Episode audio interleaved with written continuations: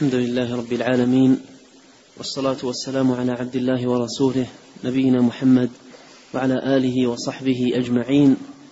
أما بعد فيقول شيخ الإسلام محمد بن عبد الوهاب رحمه الله تعالى في كتاب الكبائر كتاب المظالم باب ظلم اليتيم. وقول الله تعالى إن الذين يأكلون أموال اليتامى ظلما إنما يأكلون في بطونهم نارا وسيصلون سعيرا. بسم الله الرحمن الرحيم. الحمد لله رب العالمين وأشهد أن لا إله إلا الله وحده لا شريك له وأشهد أن محمدا عبده ورسوله صلى الله وسلم عليه وعلى آله وأصحابه أجمعين. اللهم لا علم لنا إلا ما علمتنا اللهم علمنا ما ينفعنا وزدنا علما وأصلح لنا شأننا كله ولا تكلنا إلى أنفسنا طرفة عين. أما بعد قال رحمه الله تعالى كتاب المظالم. المظالم جمع مظلمة. والمظلمة يراد بها ما يقع من الإنسان من تعدي وتجني على الآخرين. سواء في الأنفس أو في الأموال أو في الأعراض. والظلم ظلمات يوم القيامة والحقوق تؤدى يوم القيامة كما صح في الحديث عن نبينا صلى الله عليه وسلم أنه قال لتؤدن الحقوق يوم القيامة. وجاء في الحديث عن نبينا عليه الصلاة والسلام أن الله جل وعلا يقول يوم القيامة لا ينبغي لأحد من أهل الجنة أن يدخل الجنة ولأحد من أهل النار عليه مظلمة حتى اقتصها منه. ولا ينبغي لأحد من أهل النار أن يدخل النار ولأحد من أهل الجنة عليه مظلمة حتى اقتصها منه حتى اللطمة. فالظلم ظلمات يوم القيامة. والظالمون يطوقون ما ظلموا يوم القيامة أن يأتون به طوقا على أعناقهم خزيا لهم بين العالمين وعلى رؤوس الأشهاد يوم القيامة. وأورد رحمه الله تعالى قول الله عز وجل إن الذين يأكلون أموال اليتامى ظلما إنما يأكلون نارا وسيصلون إنما يأكلون في بطونهم نارا وسيصلون سعيرا. وهذه الآية فيها نوع من أنواع الظلم وهو أكل مال اليتيم. أكل مال اليتيم. والمراد بأكله أي بغير حق. هذا هو المراد. قال إنما قال إن, إن الذين يأكلون أموال اليتامى ظلما. فالمراد بذلك أكله بغير حق. أما إذا كان القائم على مال اليتيم فقيرا فله أن يأكل بالمعروف ومن كان فقيرا فليأكل بالمعروف. فهذا أكل بحق لأنه قائم على مال يتيم ويرعى شؤون المال ويعمل على تنميته. وهو فقير فله أن يأكل بالمعروف. فله أن يأكل بالمعروف. وأما من أكل مال اليتيم بغير حق أكله ظلما فهذه كبيرة من الكبائر وعظيمة من عظائم الذنوب. ولهذا قال إنما يكونون في بطونهم نارا وسيصلون سعيرا أي أن هذا المال الذي أكلوه يكون في بطونهم يوم القيامة نارا. ويصليهم الله عز وجل سعيرا أي نارا شديدة محرقة لمن دخلها. وتخصيص الأكل لأنه أعم وجوه الانتفاع. حتى وإن أخذ مال اليتيم ولم يأكل وإنما أخذه واشترى به بيتا أو أخذه واشترى به مركوبا أو ملابس أو نحو ذلك هذا كله من أكل مال اليتيم. لكن خص الأكل بالذكر لأنه أعم وجوه الانتفاع. نعم. قال رحمه الله تعالى ولهما عن أبي هريرة رضي الله عنه مرفوعا اجتنبوا السبع الموبقات. قالوا وما هن يا رسول الله؟ قال الشرك بالله والسحر وقتل النفس التي حرم الله إلا بالحق وأكل الربا وأكل مال اليتيم والتولي يوم الزحف وقذف المحصنات الغافلات المؤمنات. قال ولهما أي البخاري ومسلم عن أبي هريرة رضي الله عنه مرفوعا أي إلى النبي صلى الله عليه وسلم أنه قال اجتنبوا السبع الموبقات. اجتنبوا السبع الموبقات.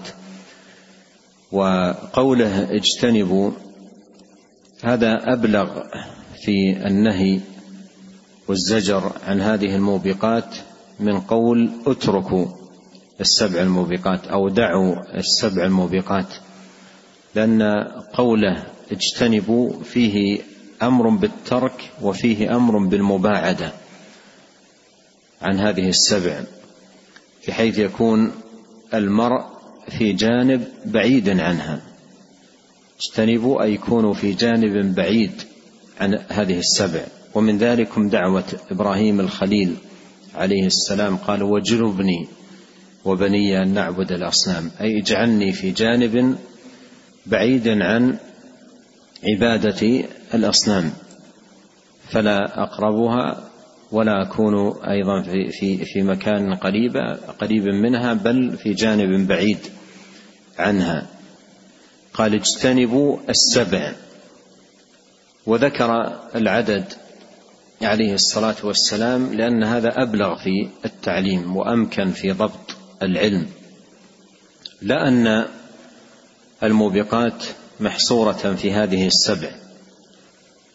الموبقات ليست محصورة في هذا العدد بل جاءت نصوص أخرى كثيرة فيها التنصيص على موبقات وكبائر غير ما ذكر في هذا الحديث. بل جاء عن ابن عباس رضي الله عنهما أنه قال هي إلى السبعين أقرب ولهذا كتب عدد من أهل العلم في الكبائر وأوصلوها إلى السبعين وزيادة. منهم الذهبي رحمه الله تعالى في كتابه الكبائر ومنهم المصنف رحمه الله تعالى في هذا الكتاب وغيرهم من أهل العلم.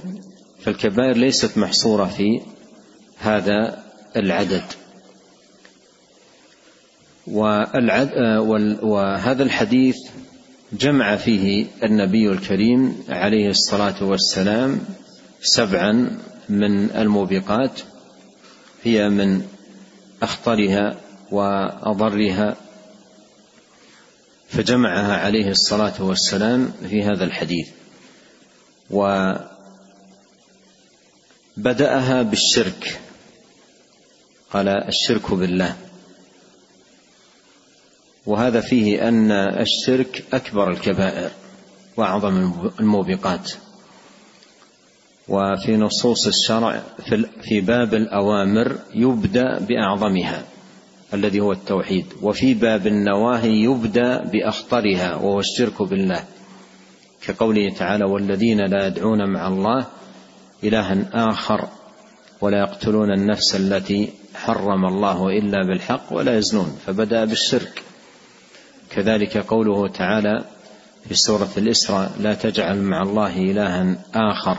فتقعد مذموما مخذولا ثم ذكر بعد ذلك النهي عن الزنا والنهي عن القتل والنهي عن أكل مال اليتيم وأمور من النواهي عددها عقب هذه الآية. فبدأ أول ما بدأ بالنهي عن الإشراك بالله سبحانه وتعالى. ولهذا نظائر كثيرة في الكتاب والسنة. فالبدء بالشرك يدل على أن الشرك بالله هو أكبر الكبائر وأعظم الموبقات. والشرك هو تسوية غير الله بالله في شيء من حقوق الله لأن الشرك هو التسوية. ولهذا إذا دخل المشركون النار يوم القيامة يقولون كما ذكر الله تالله إن كنا لفي ضلال مبين إذ نسويكم برب العالمين. فالشرك بالله هو تسوية غيره به في حق من حقوقه جل وعلا. وحق الله على العباد أن يعبدوه ولا يشركوا به شيئا. فمن جعل مع الله شريكا أو مساويا في شيء من العبادة فقد أشرك الشرك الأكبر الناقل من الملة المحبط للعمل كله. ثم قال والسحر. والسحر أيضا من الموبقات العظيمة وكبائر الإثم الشنيعة وعزائم ورقى ونفث وعقد تكون من الساحر ونفسه الخبيثة المتصلة بالشياطين المستعينة بهم المتقربة إليهم فيما يدعون الساحر إليه من كفر بالله سبحانه وتعالى ونبذ لكتابه وامتهانا لكلامه جل وعلا. فيحصل بسبب هذا السحر أضرار عظيمة فمنه ما يقتل ومنه ما يفرق بين المرء وزوجه ومنه ما يمرض. ولا يكون شيء من ذلك إلا بإذن الله وما هم بضارين به من أحد إلا بإذن الله. والله سبحانه وتعالى ابتلى الناس بوجود هذا الصنف الذين هم السحرة ليعظم التجاء أهل الإيمان إلى الله وتحصنهم بالاذكار التي شرعها الله سبحانه وتعالى ولجوءهم إليه جل وعلا واعتصامهم به سبحانه وتعالى فالسحر من الموبقات العظيمة ولا يكون الساحر ساحرا إلا بالكفر بالله جل وعلا لأن السحر الذي هو عبارة عن عزائم ورقى ونفث وعقد فتضر. لا يكون إلا باتصال بالشياطين واتباع ما تتلوه ونبذ لكتاب الله. نبذ فريق من الذين أوتوا الكتاب كتاب الله وراء ظهورهم كأنهم لا يعلمون واتبعوا ما تتلو الشياطين على ملك سليمان. فلا يكون السحر إلا بهذا نبذ القرآن واتباع الشياطين. وهذا كفر. كفر بالله تبارك وتعالى. قال رحمه الله تعالى قال الله قال عليه الصلاة والسلام الشرك بالله والسحر وقتل النفس التي حرم الله إلا بالحق. وقتل النفس التي حرم الله يراد بها النفس المعصومة النفس المسلمة المعصومة. وأيضا نفس الكافر المعاهد أيضا يتناولها الحديث. الكافر المعاهد لقول النبي صلى الله عليه وسلم من قتل معاهدا لم يرح رائحة الجنة. وقوله لم يرح رائحة الجنة هذا يدل على أنه كبيرة من الكبائر. فقتل النفس المسلم المعصومه هذا من الكبائر ويدخل أيضا في الحديث قتل المعاهد قتل المعاهد فقتل المعاهد من كبائر الذنوب وعظائم الآثام. قال وقتل النفس التي حرم الله إلا بالحق وأكل الربا وأكل الربا. والربا من عظائم الذنوب و كبائر الآثام ومن يأكل الربا لا يأكل يوم يقف بين يدي الله جل وعلا في بطنه إلا نارا ويصليه الله تبارك وتعالى سعيرا. يقول الله تعالى يا أيها الذين آمنوا لا تأكلوا الربا أضعافا مضاعفة واتقوا الله لعلكم تفلحون واتقوا النار التي أعدت للكافرين. فتوعد الله سبحانه وتعالى وتهدد المرابين بدخول النار. توعدهم جل وعلا بذلك. وفي الحديث لعن النبي صلى الله عليه وسلم آكل الربا وموكله وكاتبه وشاهديه.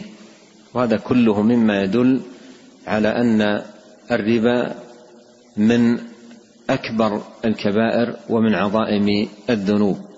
وتخصيص الأكل باعتبار أنه أعم وجوه الانتفاع وإلا لو تعامل بالربا ولم يأكل وإنما باع واشترى واستعمله في أنواع المصالح المختلفة فإنه يتناوله ما جاء في النصوص من من وعيد. ولكن تخصيص الأكل بالذكر باعتبار أن ذلك أعم وجوه الانتفاع.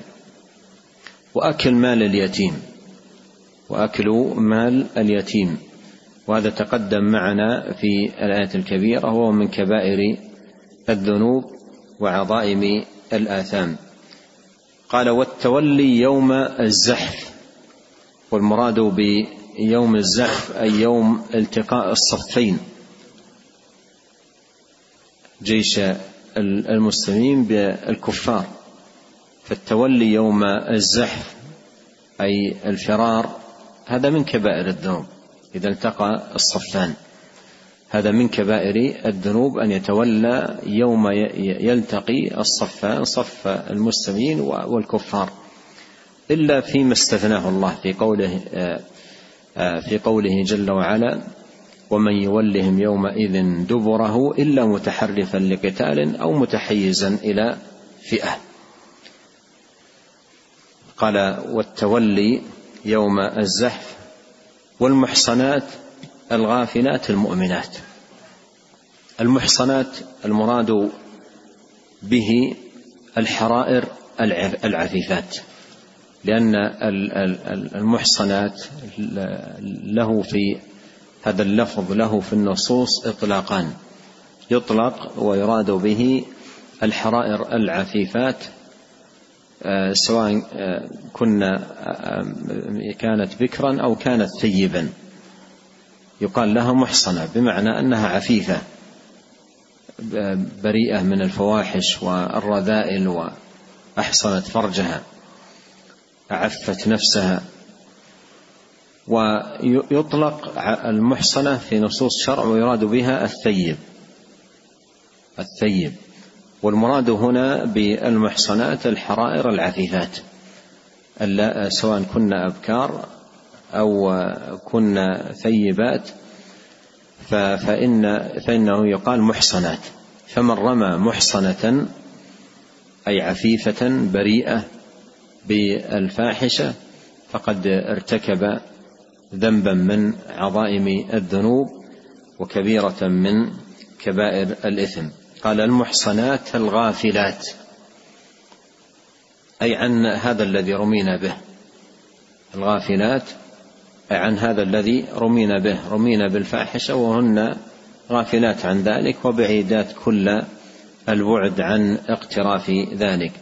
المؤمنات أي بالله المحافظات على طاعة الله سبحانه وتعالى فمن رمى محصنة عفيفة بريئة غافلة مؤمنة بالفاحشة فقد ارتكب عظيمة من عظائم الذنوب. نعم. قال رحمه الله تعالى باب غصب الأرض. عن سعيد بن زيد رضي الله عنه مرفوعا من اقتطع شبرا من الأرض ظلما طوقه الله إياه يوم القيامة من سبع أراضين أخرجاه. قال باب غصب الأرض. غصب الأرض أخذها عنوة وقوة وظلم من من صاحبها. قال غصب الأرض. والغصب كما أنه يكون في المنقولات من مثلا دواب أو ذهب أو غير ذلك أيضا يكون في العقارات الثابتة. على خلاف قول من قال إن الغصب لا يكون إلا في المنقولات. الغصب يكون في المنقولات ويكون أيضا في الشيء الثابت. وغصبه آه، التعدي فيه بأن يأخذه أو يأخذ جزءا منه. وهو ظلم والظلم ظلمات يوم آه، القيامة.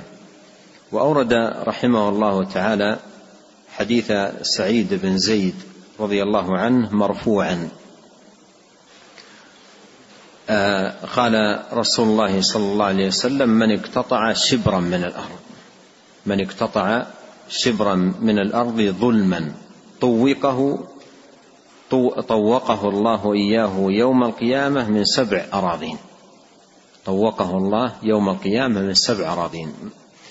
من اقتطع أي اغتصب وأخذ بغير حق شبرا من الأرض إشارة إلى أن المقتطع ولو كان قدرا يسيرا. ولو كان قدرا يسيرا. إذا كان من اقتطع شبرا من الأرض طوقه من سبع أراضين فكيف بمن اقتطع مترا أو امتارا؟ إذا كان من اقتطع هذا الشيء اليسير شبر طوقه من سبعة أراضين. ولهذا يقول العلماء هذا الحديث ينبغي على كل من كان مشتغل بالعقار بالزراعة بهذه الأعمال أن ينتبه لهذا الحديث لأن شبرا واحدا إن اقتطعه بغير حق يطوق هذا الشبر من سبع أراضين يوم القيامة. فكيف من يقتطع آه، مترا أو امتارا؟ فكيف بمن يأخذ أراضي كاملة لغيره بغير حق؟ مصيبة يوم القيامة عظيمة جدا. والظلم ظلمات يوم القيامة. معنى طوقه أن يأتي يحمل هذا من سبعة أراضين طوقا على عنقه خزيا له أمام الأشهاد وفضيحة له أمام العالمين.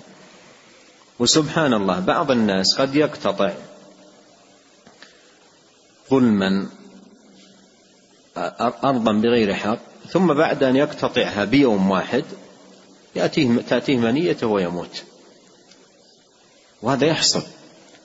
تجده مثلا يقتطع أرضا بغير حق ويبلي بلاء في الحصول عليها ثم يحصل عليها ومن الغد يموت. هب أنه لم يمت من الغد مات بعد وقت. ماذا تغني عنه؟ حتى إن بعضهم يقتطع أرضا بغير حق ولا يستفيد منها أبدا ربما ما ينظر إليها ويقف عليها. ثم يأتي يوم القيامة والعياذ بالله يطوق هذه الأرض من, من سبعة أراضين خزيا له على رؤوس الأشهاد وفضيحة له بين الناس.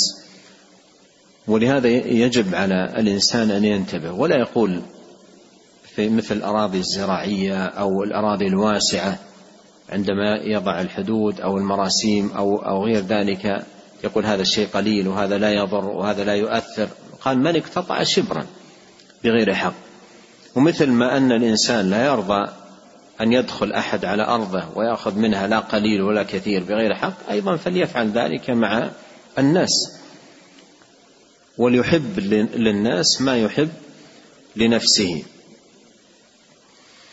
وقوله في هذا الحديث طوقه الله إياه يوم القيامة أي جعله عليه طوق في عنقه. والطوق هو ما يكون في العنق مستديرا على العنق فيأتي يحمل ذلك من سبعة أراضين ليس في الأرض التي هو عليها بل من سبعة أراضين يحمل ذلك طوقا في آه، عنقه.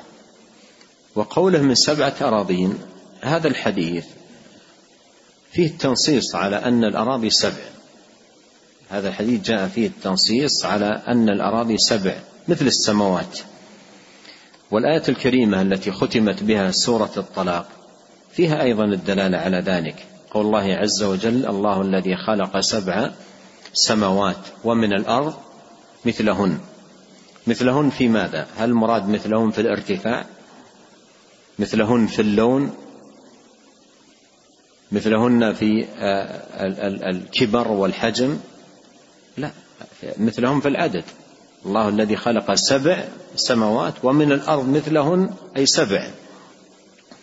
لكن الحجم مختلف ليس ليست السماوات مثل الأرض في الحجم بل الأرض شيء يسير جدا مقارنة بحجم السماوات والسماوات محيطة بالأرض من كل جانب وبين السماء والأرض خمسمائة عام. فما ما تعني شيء الأرض من حيث حجمها بالنسبة للسماوات. وليس المراد باللون والشكل وإنما المراد بالعدد مثلهن أي أي مثلهم في العدد. الله الذي خلق سبع سماوات ومن الأرض مثلهن أي عدد آه، آه، السماوات عدد الأراضين مثل عدد السماوات. عدد الأراضين مثل عدد السماوات. قال طوقه الله يوم القيامة من سبع أراضين. وراوي الحديث الصحابي الجليل سعيد بن زيد وهو أحد العشرة المبشرين بالجنة. حصل له قصة تتعلق بالحديث وفيها عبرة وهي أن امرأة والحديث في صحيح مسلم جارة الله يقال لها أروى ادعت على سعيد أنه اغتصب من أرضها أرض دارها. ادعت عليه في بعض داره أن أنه من أرضها. فقيل له ذلك. فقال كيف أفعل ذلك؟ وأنا سمعت النبي عليه الصلاة والسلام يقول من اقتطع شبرا من الأرض طوقه من سبعة أراضين. كيف أفعل ذلك؟ وأنا سمعت هذا الحديث. وهذا يفيدنا عظم انتفاع الصحابة رضي الله عنهم بأحاديث الرسول وعظم موقع صلوات الله وسلامه عليه وعظم موقع أحاديثه عليه الصلاة والسلام في قلوبهم. قال كيف أنا وأنا سمعت الرسول صلى الله عليه وسلم يقول من اقتطع شبرا من الأرض؟ كيف أفعل ذلك؟ ثم دعا عليها دعا عليها دعوة مظلوم. أن دعا عليها أن يعمي الله بصرها وأن يقتلها في دارها. فكف بصرها وكانت تقول أصابتني دعوة سعيد بن زيد وكانت تمشي في في دارها فسقطت في في بئر في دارها. وكانت هي ميتتها وكانت هي ميتتها فدعا عليها دعوة مظلوم أن يعمي الله بصرها وأن يقتلها في دارها فالشاهد من ذلك أن الصحابة رضي الله عنهم كانوا من أعظم الناس انتفاعا بكلام الرسول وأسرع وكانوا أسرع الناس استجابة لأوامره وأسرع الناس بعدا عما ينهى عنه. ولهذا قال الله تعالى والسابقون الأولون من المهاجرين والأنصار والذين اتبعوهم بإحسان. وهذا الحديث فيه تحريم آه، آه، غصب الأراضي واقتطاع شيء منها ولو كان قليلا وأنه ظلم والظلم يوم القيامة ظلمات على أهله. ونسأل الله الكريم رب العرش العظيم أن يصلح لنا أجمعين شأننا كله وأن لا يكلنا إلى أنفسنا طرفة عين وأن يغفر لنا ولوالدينا ولمشايخنا وللمسلمين والمسلمات والمؤمنين والمؤمنات الأحياء منهم والأموات. اللهم آت نفوسنا تقواها وزكها أنت خير من زكاها. أنت وليها ومولاها. اللهم إنا نسألك الهدى والتقى والعفة والغنى. اللهم اقسم لنا من خشيتك ما يحول بيننا وبين معاصيك ومن طاعتك ما تبلغنا به جنتك ومن اليقين ما تهون به علينا مصائب الدنيا. اللهم متعنا بأسماعنا وأبصارنا وقوتنا ما احييتنا واجعله الوارث منا واجعل ثأرنا على من ظلمنا وانصرنا على من عادانا ولا تجعل مصيبتنا في ديننا ولا تجعل الدنيا أكبر همنا ولا مبلغ علمنا ولا تسلط علينا من لا يرحمنا. سبحانك اللهم وبحمدك أشهد أن لا إله إلا أنت أستغفرك وأتوب إليك. اللهم صل وسلم على عبدك ورسولك نبينا محمد وآله وصحبه أجمعين. جزاكم الله خيرا.